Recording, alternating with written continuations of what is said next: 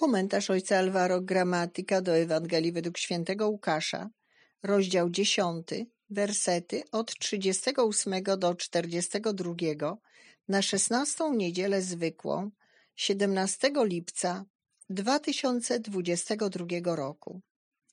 W dalszej ich podróży przyszedł do jednej wsi. Tam pewna niewiasta imieniem Marta przyjęła go do swego domu.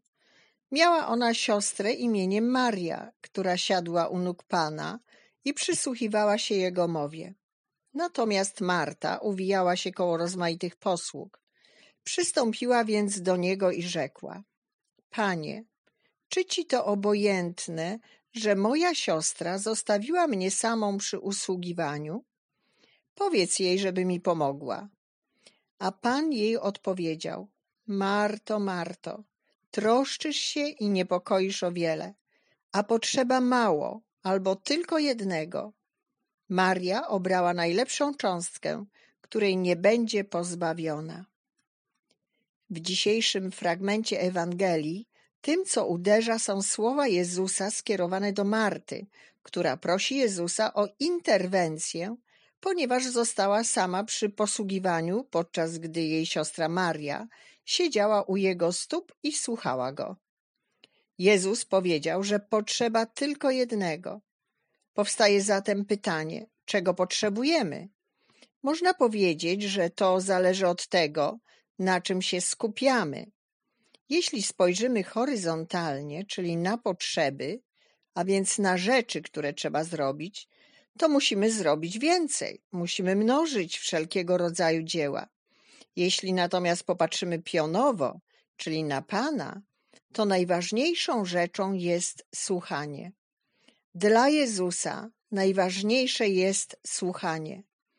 Dobrze jest przygotować wszystko, co jest konieczne, aby przyjąć Pana, aby nasze życie było doskonalsze, aby się oczyścić i ubogacić uczynkami miłosierdzia. Ale nie to wydaje się najważniejsze. Wydaje się, że najważniejsze jest słuchanie Pana, który mówi: To jest ważniejsze niż jakiekolwiek przygotowanie do spotkania z Nim.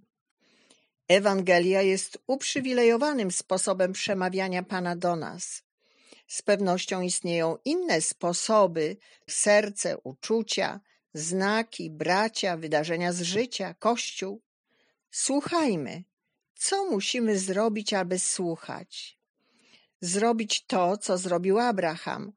Kiedy Pan ukazał się Abrahamowi przy dębach Mamre, ten siedział u wejścia do namiotu. Podniósł oczy i ujrzał trzech mężczyzn stojących przy nim. Gdyby Abraham nie podniósł oczu, nie ujrzałby Pana, nie przyjąłby go i nie otrzymałby obietnicy narodzin Izaaka. O tej porze, za rok, znów wrócę do ciebie. Twoja zaś żona, Sara, będzie miała wtedy syna. Abraham siedział przy wejściu do namiotu o najgorętszej porze dnia, jakby na znak wewnętrznego znużenia. Przez dwadzieścia pięć lat czekał na spełnienie obietnicy potomstwa. Chociaż był nieprzygotowany i nie był w pełni w formie, Wciąż miał siłę, by spojrzeć w górę i zobaczyć Pana stojącego przed nim. Przezwyciężył zniechęcenie, patrząc w górę, zobaczył i usłyszał ponownie obietnicę. Również od nas wymaga się tej odwagi, by patrzeć w górę, nie poddając się zniechęceniu typowemu dla życia, które nie zawsze jest dla nas łaskawe. Nie pozwólmy, by czas i trudności uczynił nas twardymi i nieczułymi. Nie dajmy się ponieść tysiącom rzeczy do zrobienia. Nie oszukujmy samych siebie, chcąc robić wiele rzeczy, aby przezwyciężyć zniechęcenie i w ten sposób zakryć nasz brak zaufania do Pana. Ale aby słuchać, trzeba wznieść wzrok ku górze, ku Panu, nie zatrzymując się na pierwszych wrażeniach, i iść dalej, starając się dostrzec znaki Jego obecności. Jezus pokazuje nam to, czego potrzebujemy, czyli widzieć, aby słuchać.